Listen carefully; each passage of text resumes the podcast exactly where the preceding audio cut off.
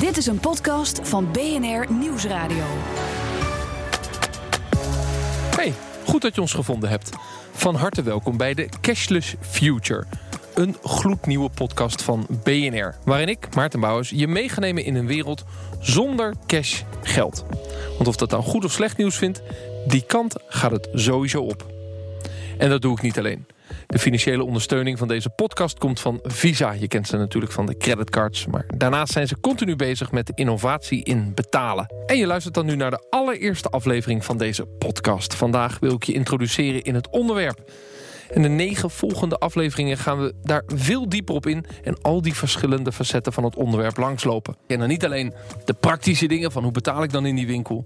maar ook, en ik heb dat maar genoemd, de onderkant uh, uh, van het water... de onderwaterwereld van betalen. Wat gebeurt daar allemaal? Wat voor regels uit Europa komen er op ons af? Wat voor innovaties komen er op ons af? Wat betekent dat voor ondernemers en gewoon voor consumenten?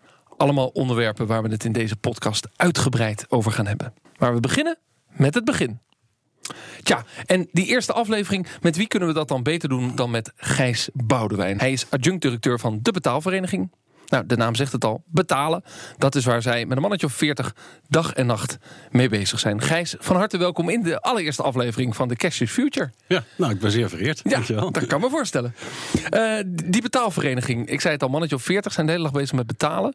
Het is een vereniging. Van wie is die vereniging dan? Ja, nou ja, je zei het al, uh, onder water. Wij, wij opereren eigenlijk vanuit de consument bezien uh, onder water. Wat wij zijn is een vereniging van alle aanbieders van betaaldiensten in Nederland. Dat zijn de bekendste voorbeelden, zijn natuurlijk de banken. Maar daarnaast hebben we betaalinstellingen en ook nog wat elektronisch geldinstellingen. En betaalinstellingen voorbeeld is? Um, bijvoorbeeld een Buckaroo, uh, Adyen, uh, dat, dat zijn voorbeelden van betaalinstellingen.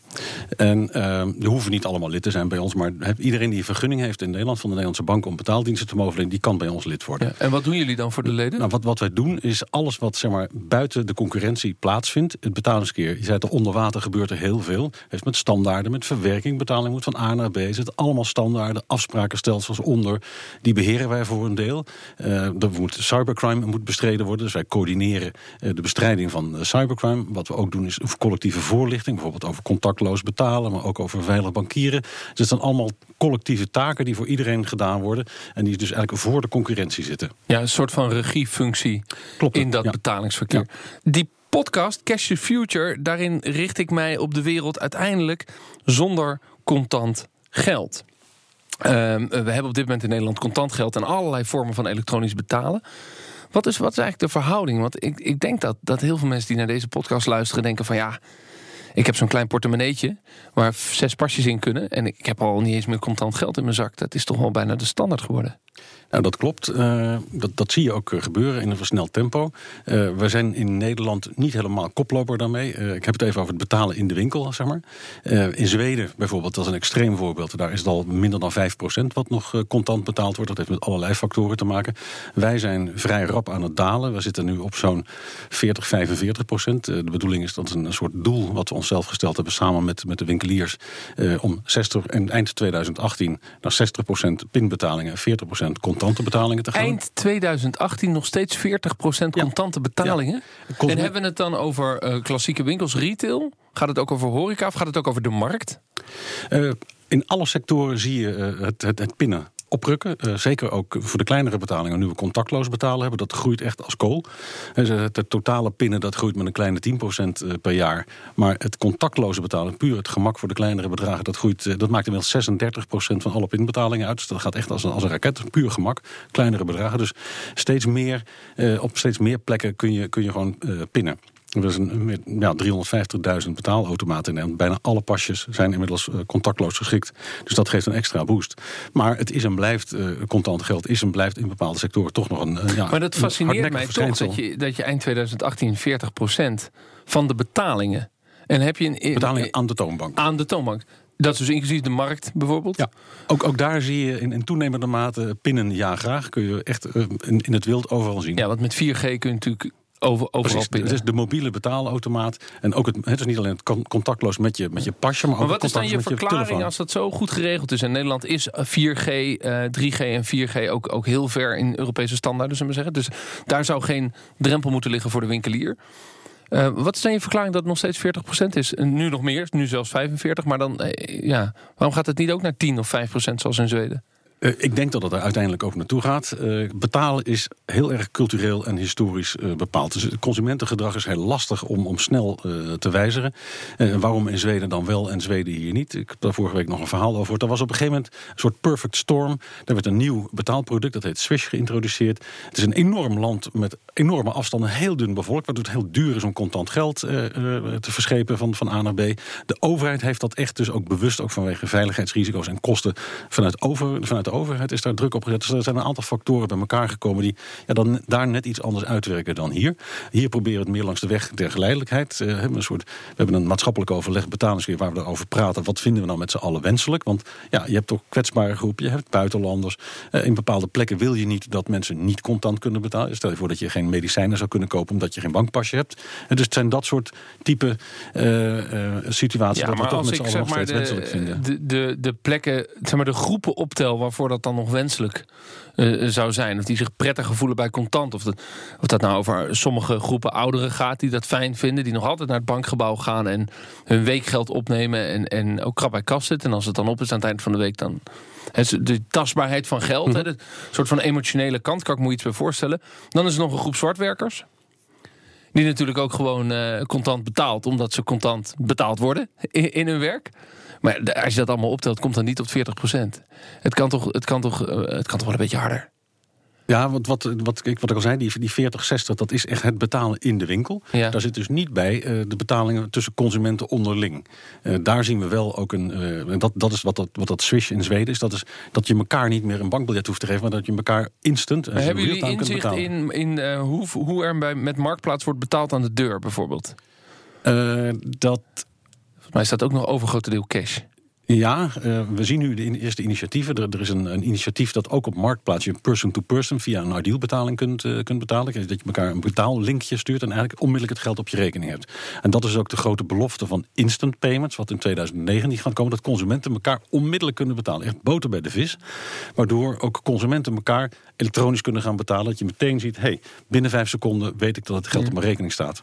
Ja, stel dat we toch Zweden achterna gaan, al is het 2025 en we zitten op 95% van alle betalingen is uh, uh, digitaal. En er komt een pinstoring van twee dagen. We hebben altijd pinstoring. Dat is altijd nieuws, pinstoring. Wat dan?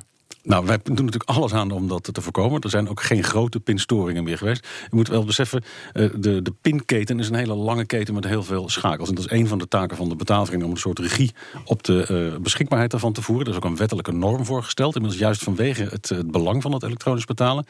Uh, dat is in de wet financieel toezicht uh, in een afgeleide maatregel opgenomen. Dat die, die, die infrastructuur moet 99,88 procent van de tijd beschikbaar zijn. Ja, dus, dus je, hebt bijna een, je hebt zoals dat heet een SLA, een Service Level Absoluut. Agreement gekregen ja. voor dat systeem. Van de overheid opgelegd. Uh, desondanks, je zegt grote pinstoringen komen niet zo vaak voor. Uh, uh, toch gebeurt het af en toe. Al is het een ochtend en dan in de kerstdagen. Het is voor jou ook waardeloos dat het gebeurt, maar het gebeurt af en toe. Nou, dat gebeurt nu af en toe. En dat was juist de reden waarom die wettelijke... Zit dat nog in mijn hoofd, maar is dat, dat zit nog in jouw hoofd. Dat er echt voor de kerst grote pinstoring, maar dat is al een paar jaar niet meer voorgekomen. Je hebt nog wel eens een lokale pinstoring. Wat ik bedoelde te zeggen is, die keten wordt lang. Je pasje kan dat niet doen. De betaalautomaat van de winkelier kan het doen. Het wifi-netwerk van de winkelier kan dat niet doen. Dus er kunnen allerlei schakels ja. in de keten. De stroom in het winkelcentrum kan uitvallen. Maar bijvoorbeeld, ja, maar landelijk, echt landelijke pinstoringen, dat is echt iets wat tot het verleden behoort. Dat behoort tot het verleden. Ja. Is, maar heb je het dan het systeem nu zo gemaakt uh, dat het niet meer kan? Omdat dat het niet meer één schakel kan uitvallen uh, waardoor het netwerk uitvalt? Ja, ik, weet ik kan het bewijs van het ik niet leveren. Ik kan niet zeggen dat iets niet kan, maar het is buitengewoon onwaarschijnlijk. Juist ook omdat, ook in overleg met, met de winkeliers en onder politieke druk, is alles zodanig dubbel uitgevoerd dat dat buitengewoon onwaarschijnlijk is. Ja, nog even naar het contactloos pinnen. Hè. Je noemde het net al eventjes. Uh, dat gaat keihard. Ja. Uh, drie, vier jaar Klopt. geleden deden we het niet. Was er niet. En nu doe je eigenlijk bij kleine bedragen niet anders. Klopt. Hoe verklaar je dat succes? Ja, puur gemak. Consument kiest voor gemak. Zo simpel is het. Het is sneller, het is voor de winkelier makkelijker. De kosten zijn ook lager. Dus de transactietijd aan de, aan de kassa die is korter met een, met een contactloze pinbetaling. Dat betekent dat de, de cashier, ja, die heeft een uurloon. En ja, alles wat je in transacties daar, daarin kunt indikken, uh, maakt die transactie goedkoper. Ja, is overigens, zijn er ook winkeliers, we hadden het net even over verschil tussen contant en, en, en pinnen. En dat is dan contactloos en niet contactloos. Is die winkelier met contant geld eigenlijk nog minder uh, kosten kwijt? Dat dat een reden is voor sommige winkels om niet de, de pinautomaat te nemen. Ja, dat klopt. Er zijn heel veel misverstanden over. Omdat men zegt, men, de, de perceptie was dat contant betalen gratis is. Maar contant geld is niet gratis. Dat kost gewoon heel veel geld. Alleen die kosten zijn verborgen. Uh, maar een winkelier die contant geld aanneemt, die moet het in zijn kassa laten stoppen. Die moet het opbergen, die moet het transporteren, die moet het tellen, die moet het afstorten bij de bank. Hij loopt het risico op overvallen, de, dat het gestolen wordt. Uh, daar moet hij zich voor verzekeren. Dat zijn allemaal kosten die ja, een beetje weggeduwd werden. Omdat het niet een tarief is dat de bank in rekening brengt. Dus nee, dat is bij pinnen wel zo. Dus dat, wel. dat, voelt alsof het direct geld kost. Ik schaf een pinautomaat aan en elke betaling die gedaan wordt, moet ik een aantal dubbeltjes afstaan aan de bank. Nou, het is inmiddels minder, veel minder dan een dubbeltje, maar een half dubbeltje. Uh, maar we hebben samen met, uh, met uh, de detailhandel uitgerekend, een aantal jaren terug, dat als je kijkt naar de totale kosten van een betaling voor een winkelier, van een contante betaling, een pinbetaling en een contactloze uh, betaling. Als je dan echt alle kosten meerekent, dus ook het loon van de cashier en het opslaan van het geld en het afstorten enzovoort, dan kom je erop uit dat een contante betaling gemiddeld genomen uh, in Nederland de winkelier 24 cent kost, een pinbetaling 19 cent en een contactloze betaling maar 15 cent. Dus het is per saldo uiteindelijk goedkoper. Ja, precies. En dat pleit dus voor neem die terminal en zorg dat die contactloos is. Ja. Uh, uh, want dat is wat jou betreft goedkoper. Uh, Apple Pay, Samsung Pay, betalen met je mobiel. Het zijn allemaal innovaties die we horen, die op ons afkomen. Maar dat lijkt dan nog klein te blijven in Nederland. Ja, uh, Apple is natuurlijk een, een bijzonder geval. Dat heeft te maken met, met de, het beleid van Apple om bepaalde toepassingen van banken wel of niet toe te staan op, uh, op de iPhone. Daar wil ik verder ook liever niet op ingaan. Dat is echt een, een commercieel issue van, van Apple, waarom dat in Nederland uh, niet kan. Nog niet kan in ieder geval. Je wil er niet op ingaan omdat het een fitty is of zo tussen de betaalvereniging en Apple? nou ja, kijk, banken die moeten ervoor betalen, dat zie je in buitenlanden, om en gegevens leveren aan Apple om op die iPhone te komen met hun, met hun mobiele betaalapp. Nou, in Nederland neem ik waar dat dat nog niet het geval is, maar dat hoeft ook niet per se, want op Android-telefoons bijvoorbeeld hebben de banken wel allemaal, althans bijna allemaal, een mobiele app. Dus je kan als je een NFC-telefoon hebt met Android, dan kun je gewoon ook uh, contactloos betalen in de winkel. Ja, en dat, maar, dat, is, maar dat... dat is nog klein. Als je om je heen kijkt, nou, pakt bijna niemand zijn mobiel om te betalen. Nee, nog niet. Uh, op dit moment uh, zeggen de cijfers dat ongeveer 280.000 maal mensen hun mobiel bankieren, mobiele betalen app van hun bank hebben gedownload. En het, het doel is eigenlijk om dit eind dit jaar op een klein half miljoen te zitten.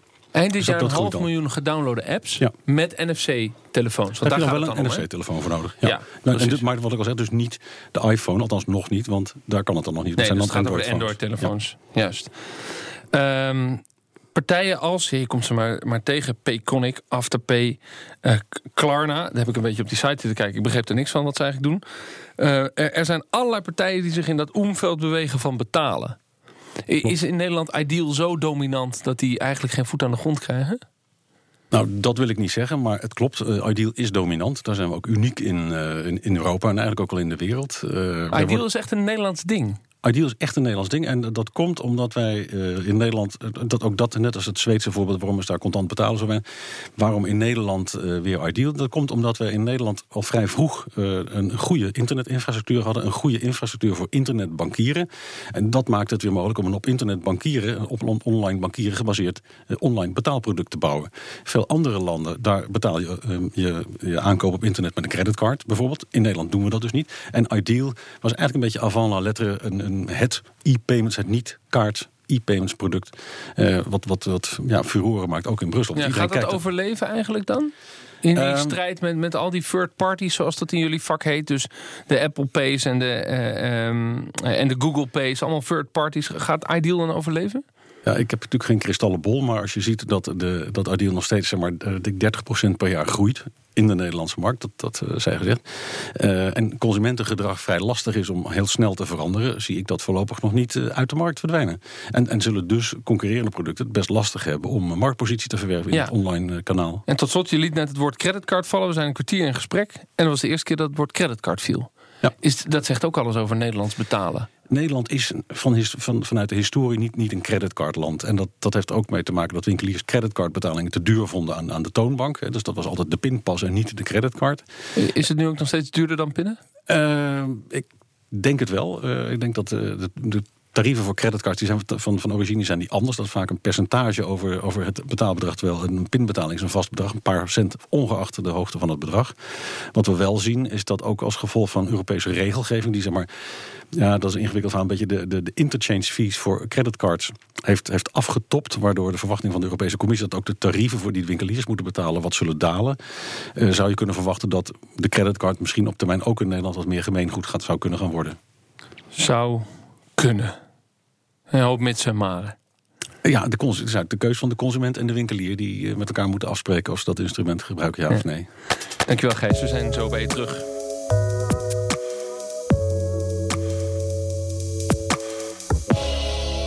We gebruiken steeds eh, minder cashgeld, aangemoedigd natuurlijk door overheid en bedrijfsleven. En de voordelen, die zijn duidelijk. Maar helemaal cashless, dat is niet voor iedereen Hosanna. Er zijn waarschijnlijk ook wel nadelen. Goed om even te praten met Ancilla van der Leest, voormalig lijsttrekker van de Piratenpartij, maar nu actief als privacyadviseur bij Startpage. Ja, Ancilla, jij staat dus kritisch tegenover, eh, eh, laten we zeggen, steeds digitaler betalen. Waarom eigenlijk? Ja, dat klopt. Uh, ja, je maakt jezelf eigenlijk ontzettend afhankelijk van, uh, van bepaalde infrastructuur, maar natuurlijk ook van een, een derde tussenpartij. Het is niet meer alleen tussen jou als uh, koper en een andere persoon als verkoper. Uh, maar elke keer als jij pint, dan vraag je eigenlijk toestemming aan de bank om jou uh, die betaling te mogen laten doen. Dus in die zin maken we onszelf, zeker als die echt die optie verdwijnt om contant te betalen, zijn we massaal afhankelijk van de bankaire sector. Ja, maar goed, er komt nu uit Europa een regelgeving aan die banken, banken verplicht om de boeken open te gooien voor derde partijen, die dan betalingsverkeer kunnen gaan afhandelen, waardoor er een soort markt komt. Is dat niet een oplossing van die afhankelijkheid? Nou, daarnaast ben je natuurlijk ook nog afhankelijk van andere infrastructuur. Het is niet alleen van, uh, van de, een, een tussenpartij uh, die toestemming verleent, wat sowieso zal blijven, ook al is het dan een andere partij dan, bankaire, dan de bankaire sector. Um, maar je zit natuurlijk ook met uh, bijvoorbeeld elektriciteit. En dat gaat uh, vaker dan we zouden willen, gaat dat, uh, gaat het mis. In Nederland gaat het wel heel vaak goed, moet ik zeggen. En daarom zijn we er ook een beetje verwend in. Maar ik denk dat iedereen wel eens de ervaring heeft gehad om in de supermarkt bij de pinautomaat te staan en dat er een pinstoring is. En onlangs was er zelfs paniek in de IKEA die ontruimd moest worden omdat alle pinautomaten het niet meer deden. Ja, dat zegt ook wel iets over onze welvaart, hè? Ja, inderdaad. Nee, we zijn, uh, we zijn ook echt een, uh, een ontzettend uh, verwend landje... waarbij alles de, meestal goed gaat. Ik begrijp de afhankelijkheid die je benoemt... maar ik begrijp niet wat het probleem daarvan is. Als het systeem toch, zeker in Nederland... ja, praktisch altijd gewoon ontzettend goed functioneert. Is het een soort angstige afhankelijkheid die jij dan voelt... die ik dan niet voel? Hoe werkt dat? Nou, ik ben altijd voor meer keuzemogelijkheden. En ik vind het feit dat we kunnen pinnen, dat vind ik echt uh, nou ja, een prachtige uitvinding. En uh, vaak ook heel erg handig natuurlijk. Uh, maar ik zie het wel als een extra keuzemogelijkheid. En ik zou ook graag zien dat het een, een keuzemogelijkheid kan blijven. Dat je niet verplicht bent om te pinnen. Ehm, maar dat je kan kiezen of je contant wil betalen of met een creditcard. Of misschien met bitcoin of, nou ja, of gewoon met je pinpas. En, en daarmee is het ehm, einde van, van cash. en dat zie jij niet voor want dan ben je een keuze kwijt. Zijn er ook gelegenheden dat jij bewust met cash betaalt omdat je denkt: ik wil niet dat er wordt meegekeken in mijn transactie? Nou, ik ben nog niet voor die, voor die keuzemogelijkheid heb ik nog niet hoeven staan, gelukkig. Maar uh, ik kan me voorstellen bijvoorbeeld mensen met, uh, nou ja, ik noem maar wat, een alcoholprobleem. Of, uh, ja, of misschien als je een keer naar een, een winkel gaat om een spannend cadeautje voor je vrouw te kopen. waarvan je niet wil dat het op de gezamenlijke rekening te zien is. Of nou ja, dat soort dingen. Je kan je allerlei, allerlei situaties voorstellen waarbij je misschien jouw pintransacties voor jezelf wil houden. Niet in de laatste plaats omdat er steeds vaker wordt gesproken ook over het doorverkopen van de data die wij met z'n allen verzamelen. Uh, door de hele dag uh, met kaarten af te rekenen. Dankjewel. Ancilla van der Leest, uh, privacyadviseur bij Startpage. dank voor je bespiegelingen op het contante geld. Heel graag gedaan. Bij mij is Gijs Boudewijn, adjunct-directeur van de Betaalvereniging. In deze podcast The Cashless Future, waarin ik onderzoek hoe de wereld er eigenlijk uit komt te zien zonder contant geld. En probeer te duiken in de onderwaterwereld van betalen. Het betalen wat wij allemaal de hele dag doen. Of je nou een broodje gaat halen of een mooi cadeau gaat kopen. Gijs, er is een ingewikkeld onderwerp wat ik met je eh, moet en wil bespreken. Maar dan moet ik de luisteraar wel een beetje meenemen. En dat heet PSD2 je hebt aan het begin van onze podcast eh, het daar al even over gehad. En PSD 2, daar doet Gijs zijn jasje voor uit. Langzaam begint de temperatuur in deze studio eh, te stijgen. Ik ben het wel met je eens, ik doe hem ook uit. Is lekker, is lekker. Ja, nee, nou gaan we er even goed voor zitten. Ja, dat, dat is eh, wel een dingetje, dames en heren. Want nu gaat het gebeuren. Kijk, Gijs die werkt in Nederland, maar die zit de helft van zijn tijd in Brussel. Vinden ze thuis ook niet altijd leuk, maar het moet, want de PSD2 komt erin. Nou, de jasjes zijn uit, de mouwen zijn opgestroopt. Het wordt een Rotterdams gesprek. Laten we maar eens even beginnen. Waar staat het voor? De PSD2 staat voor Payment Service Directive nummertje 2. Oh, we hadden ook een 1? En we hadden ook een. Nou, die heeft niet het nummer 1, dat is gewoon de Payment Service Directive. Die dateert uit 2009. Dat is, die is ook omgezet in Nederlandse wetgeving. Dat is een van de redenen ook waarom de betaalvereniging is opgericht. Omdat er naast de banken nieuwe betaalinstellingen kwamen. Dat was al onder PSD 1, zeg maar.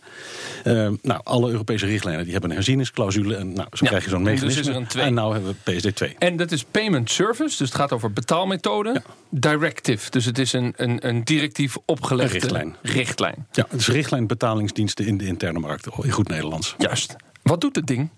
Dat ding dat doet van alles en nog wat. Uh, maar voor consumenten is het interessant dat zijn eigen risico van 150 naar 50 euro gaat, om maar wat te noemen.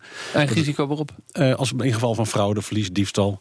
Uh, in principe wordt de klant altijd vergoed. Maar als die nou, ja, zeg maar onzorgvuldig is geweest, dan kan de bank hem een eigen risico in rekening brengen. Nou, dat, dat gaat omlaag. Maar wat zeg maar, voor de markt belangrijker is, is dat er een nieuw concept uh, wordt geïntroduceerd in deze richtlijn. En dat is dat banken, de rekeninghoudende financiële instellingen, die moeten die rekeningen gaan openstellen voor derde partijen. Een consument kan een derde partij expliciet toestemming geven om namens hem een betaling te gaan doen of rekeninginformatie op te halen. En wat is dan een voorbeeld van een derde partij? Uh, een derde partij, dat was bijvoorbeeld in de, of is in de, op dit moment een partij als Zofort, die in de Nederlandse markt niet zo groot is, maar in een aantal andere landen wel. En die eigenlijk namens klanten uh, met gebruikmaking van de codes van de klanten inlogt bij de bank en daar de betaling klaarzet. Ja, ja. Uh, of is PayPal ook een soort derde partij? Nee, PayPal heeft, heeft een ander model. Die, die doet dat op dit moment nog niet, maar die zou dat ook kunnen gaan doen. Iedereen mag dat straks doen als hij daar een vergunning uh, voor heeft. Uh, maar in Nederland is bijvoorbeeld een voorbeeld van... dus, dus je hebt de betalingsinitiatiediensten. Het zijn allemaal ingewikkelde, mooie scrabblewoorden. En dan heb je ook nog de rekeninginformatiediensten. Dan moet je je voorstellen, bijvoorbeeld uh, AFAS Personal is, is een voorbeeld daarvan in Nederland. Die kan voor jou rekeninginformatie ophalen. Nu moet je het zelf nog actief naartoe sturen. Maar straks zou die het voor jou automatisch kunnen ophalen. En die maakt daar een, zeg maar, een budgetoverzicht voor. Van. Juist, dus dat betekent dat third parties, andere partijen, die moeten daar wel een vergunning voor hebben, begrijp ik, ja. uh, informatie kunnen ophalen bij de banken van rekeningnummers. Klopt. Van rekeninghouders. Ja. Waarom zou ik dat nou willen? Nou, wat dat betekent zei, dus dat de bank de kluis moet openleggen. Ja, dat, dat, daarom is het ook zo'n heikel uh, onderwerp. Er zitten eigenlijk twee, uh, voor het gemak twee belangrijke aspecten aan. Uh, wij hebben, wat ik al zei, wij hebben ook een voorlichtende taak als betaalvereniging. Wij doen die campagnes over veilig bankieren. En één daarvan is, geef nou nooit je codes aan iemand anders. Nou, want dat zijn criminelen die daarom vragen. Wat, wat lastig wordt om uit te leggen straks aan de consument... is dat het niet altijd met criminelen zijn die jouw gegevens mogen vragen... om namens jou, daar moet je wel ex, uit, expliciete toestemming voor verlenen. Uh, maar dat, dat moeten we de consument ja, nog gaan dus uitleggen. Het hele principe hang op, klik weg. Dat, dat wordt wat lastiger. Die campagne die gaat straks veranderen... omdat er dan een gerenommeerde partij komt... en die ga ik mijn gegevens wel geven. Klopt. Ja. En, en, nou, dat, dat, oké, wij denken dat als we dat niet goed doen qua voorlichting... dat er nogal wat verwarring Ja, over zou oké, kunnen maar voorlichting is misschien de laatste stap. De eerste vraag is, waarom zouden we dit nou willen? Omdat de Europese politiek besloten heeft... dat we dat met z'n allen moeten willen. Ja, maar En dat is een institutioneel antwoord. Waarom zouden we dat dan met z'n allen moeten willen? Nou, het, institutionele antwoord achter dat institutionele antwoord is omdat door dit te doen eh, de veronderstelling is dat er meer innovatie plaatsvindt. Want er waren innovatieve partijen die al dit soort businessmodellen hadden, maar die waren officieel niet toegestaan.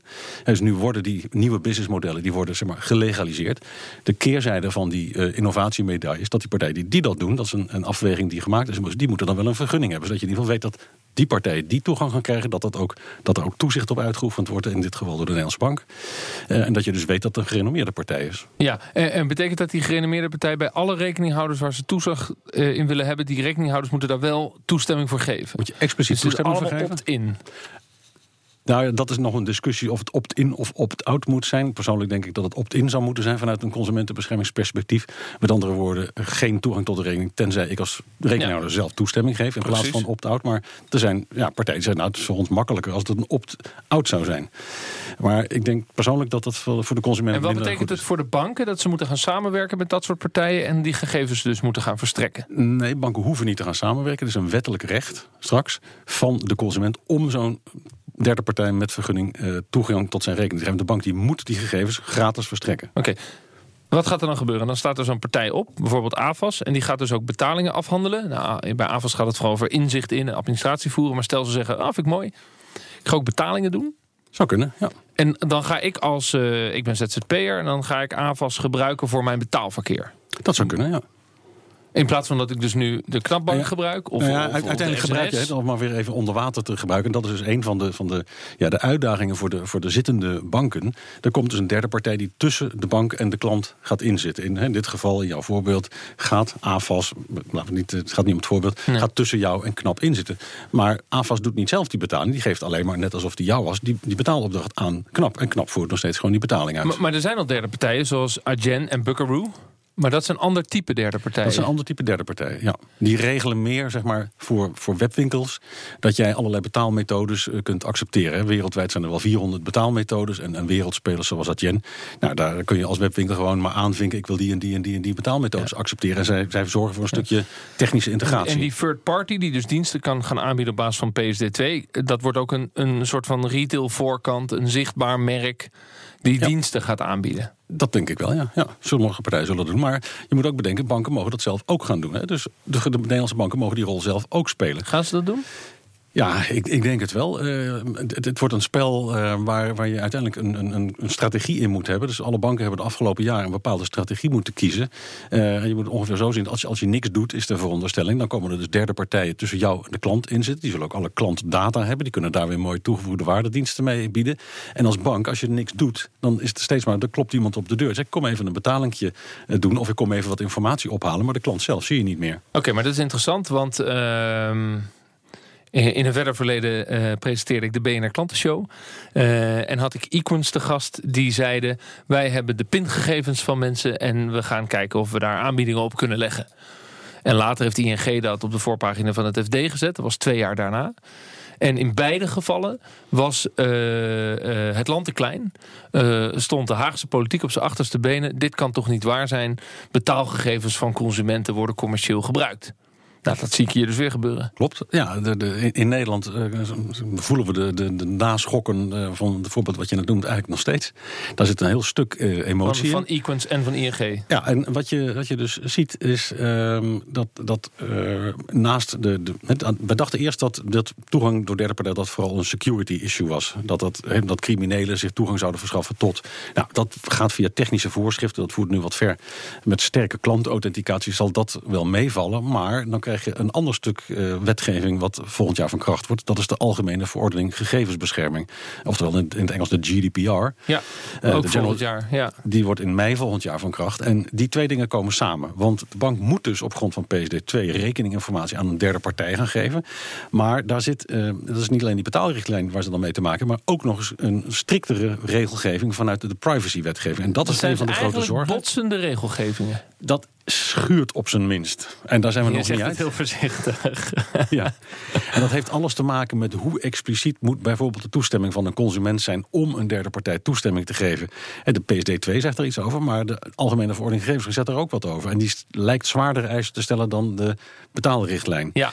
En ook de toezichthouder, we krijgen straks vier toezichthouders uh, op deze betaalwetgeving. Dat is in eerste plaats de Nederlandse bank die de vergunningen doet. Dan heb je de autoriteit Consumentenmarkt, Consumentenmarkt die toeziet op nou, consumentenbescherming, maar ook op concurrentie uh, de autoriteit financiële markt en daar heb je hem al, de autoriteit persoonsgegevens. Oké, okay, Gijs, ik begrijp het. Ja, jouw baan is machtig interessant. Fascinerend. Uh, uh, maar gaat dit gebeuren volgend jaar zomer of gaat dit 1, 2 jaar worden uitgesteld? Gaan hier, gaat dit dan toch bij de Kamer komen en, en de, um, nou, een aantal partijen, vele partijen stonden op de achterste benen dat die bank die gegevens straks verplicht van Europa moet gaan verstrekken. Sterker nog, ik zal hem nog groter maken. Dit gaat niet helpen voor het Europese gevoel in Nederland. Ja, dat, uh, Europa legt ons op dat we onze bankgegevens openbaar moeten maken. Ja, ik zou zeggen, een reden de voor. Ja, de enige remedie daarvoor is een nexit. Uh, ben ik bang, want dat zijn krokodillentranen. Ja, dat is dit gaat wel- late. dit gaat wel is, gebeuren. is allemaal een gedane zaak. Dan heeft de politiek in Den Haag eh, had eerder aan de bel moeten trekken. We hebben dat als, als aanbodzijde jarenlang we, let op wat hier aan het gebeuren is. Willen we dit met z'n allen? Ja, dit wilden we met z'n allen. Het is een democratisch proces. Het is een Europese richtlijn. Ja. En, ja, Oké, dus het schuurt nog wat met die privacyrichtlijn, maar het gaat gebeuren. Er komt een grotere markt voor derde partijen.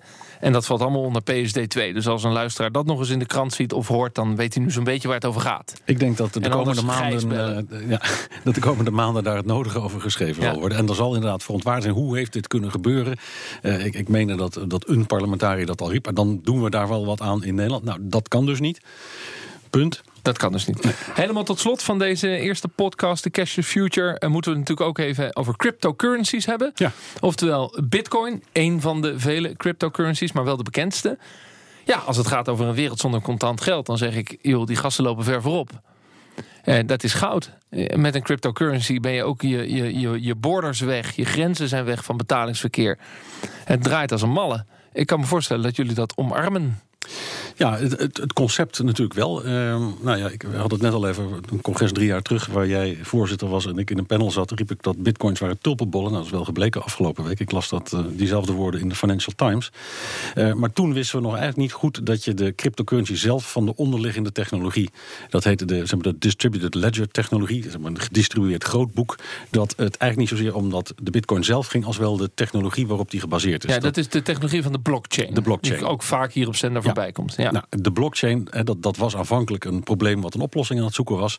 Maar nu zie je inmiddels in toenemende mate dat in allerlei toepassingen. Ik las vanochtend in het Financieel Dagblad nog een heel stuk over blockchain toepassingen in de voedselindustrie. Hoe je helemaal van A tot Z, van producent tot, eh, eh, tot consument kunt vastleggen. Alle stappen in een proces onweerlegbaar kunt vastleggen. Maar in, in een openbaar register wat Ja. iedereen kan ja, het kan is een openbaar grootboek wat vast ligt voor altijd. Exact. Wat overigens botst met de GDPR, met de privacyrichtlijn. Daar zitten allerlei je, Na vijf jaar moet je dat vernietigen, maar Ja. dat terzijde. Nou, daar heb je weer zo'n leuke. ja, dat is een leuke schuring. Maar dat is de blockchain. Daar heb je goed gevoel over als ik naar je luister. Ja, absoluut. Ja, en dan is Bitcoin, dat draait op de blockchain. Ja, nou en wat je dus En ziet, dat zijn het, het. Zweedse. Ja, nou ja, de, niet door centrale banken uitgegeven eh, coins, want er zijn er honderden. Hè. Bitcoin is de grootste, maar je hebt Ethereum, alle, de- altcoins zoals men het noemt. Eh, ja, wereldwijd zie je toch nog dat eh, eh, de toezichthouders nog aan het worstelen zijn. Wat is het nou? Is het nou echt geld of is het niet echt geld? Eh, ik liet me vorige week vertellen dat in Zweden de, de Riksbank, de Nederlandse bank, maar dan van Zweden, eh, ja, heeft gezegd dat ze volgend jaar wel eens zouden willen kijken of ze geen Zweedse kronen op de blockchain zouden kunnen uitgeven. Dus het hoeft niet per se een cryptocurrency te zijn die niet door een centrale bank wordt uitgegeven. Maar dat kan ook gewoon. Je zou ook kunnen voorstellen, waarom kunnen we nou geen euro's op een blockchain uitgeven als dat handiger zou zijn? Nou, zo zie je dat. En, en hoe moet je daar dan toezicht op houden? Dat zijn allemaal eh, vraagstukken waar men in de wereld van de centrale banken zich mee maar bezighoudt. je, je, je bent er nog wat voorzichtig in. Je probleem is dus dat eh, een cryptocurrency die niet door een centrale bank wordt uitgegeven, geen basis en geen regulering heeft. En daarmee ongeleid projectiel is? Nou ja, dat, dat zie je dus nu ook wel gebeuren. eh, op, met waarde. De volatiliteit is natuurlijk, eh, natuurlijk enorm. Ja, maar dat is een keuze van de gebruikers, toch? Ja, Als die een, als die een currency willen met een hoge volatiliteit, ja joh. ga Nou ja, maar kijk, het- het ging nu even. eh, Wil je hem als betaalmiddel gebruiken? Het is natuurlijk een ontzettend gemakkelijk betaalmiddel. Eh, Het was pseudo-anoniem. Je, eh, anoniem. je kunt het makkelijk eh, van, van, van, van Tokio naar Amerika eh, mee- betalen, bijna real-time. Maar als we straks instant payments hebben en, en andere eh, toepassingen, kun je afvragen of, of dat soort eh, ja, toegevoegde waarde nog wel zo groot is. Eh, naast alle grote nadelen die eraan zitten. Want je moet toch.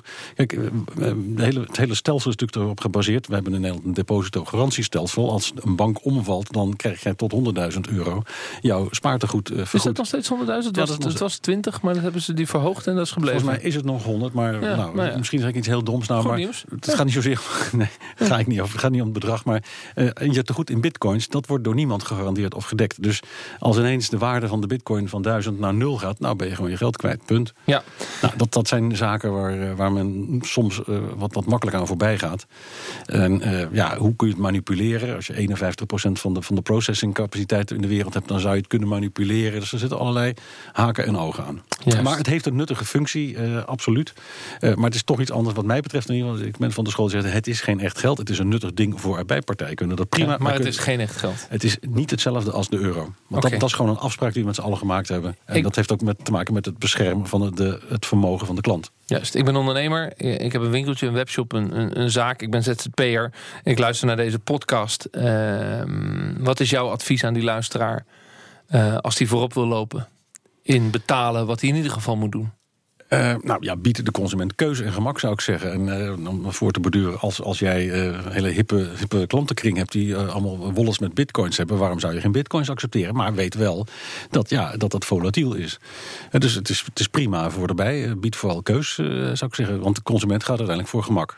Juist. En dus het gaat om, het gaat bij betalen gaat het altijd om de conversie. Het moet een seamless experience zijn. En wat, eh, wat je ook ziet naar de toekomst toe. De betaling zelf die verdwijnt zeg maar onder water. Het gaat straks alleen nog maar om de, om de user experience. Hè, de klantreis zoals dat netjes heet. Eh, en, en de data die ermee ge- ge- gegenereerd worden. Die betaling, dat, en precies weer wat je, om terug naar het begin. Die wordt onder water wel ergens afgewikkeld door degene die die infrastructuur beheren. Maar dat, dat ziet de consument niet. Juist. Eh Gijs Boudewijn, eh, Betaalvereniging Nederland. Dankjewel voor dit onderwatergesprek.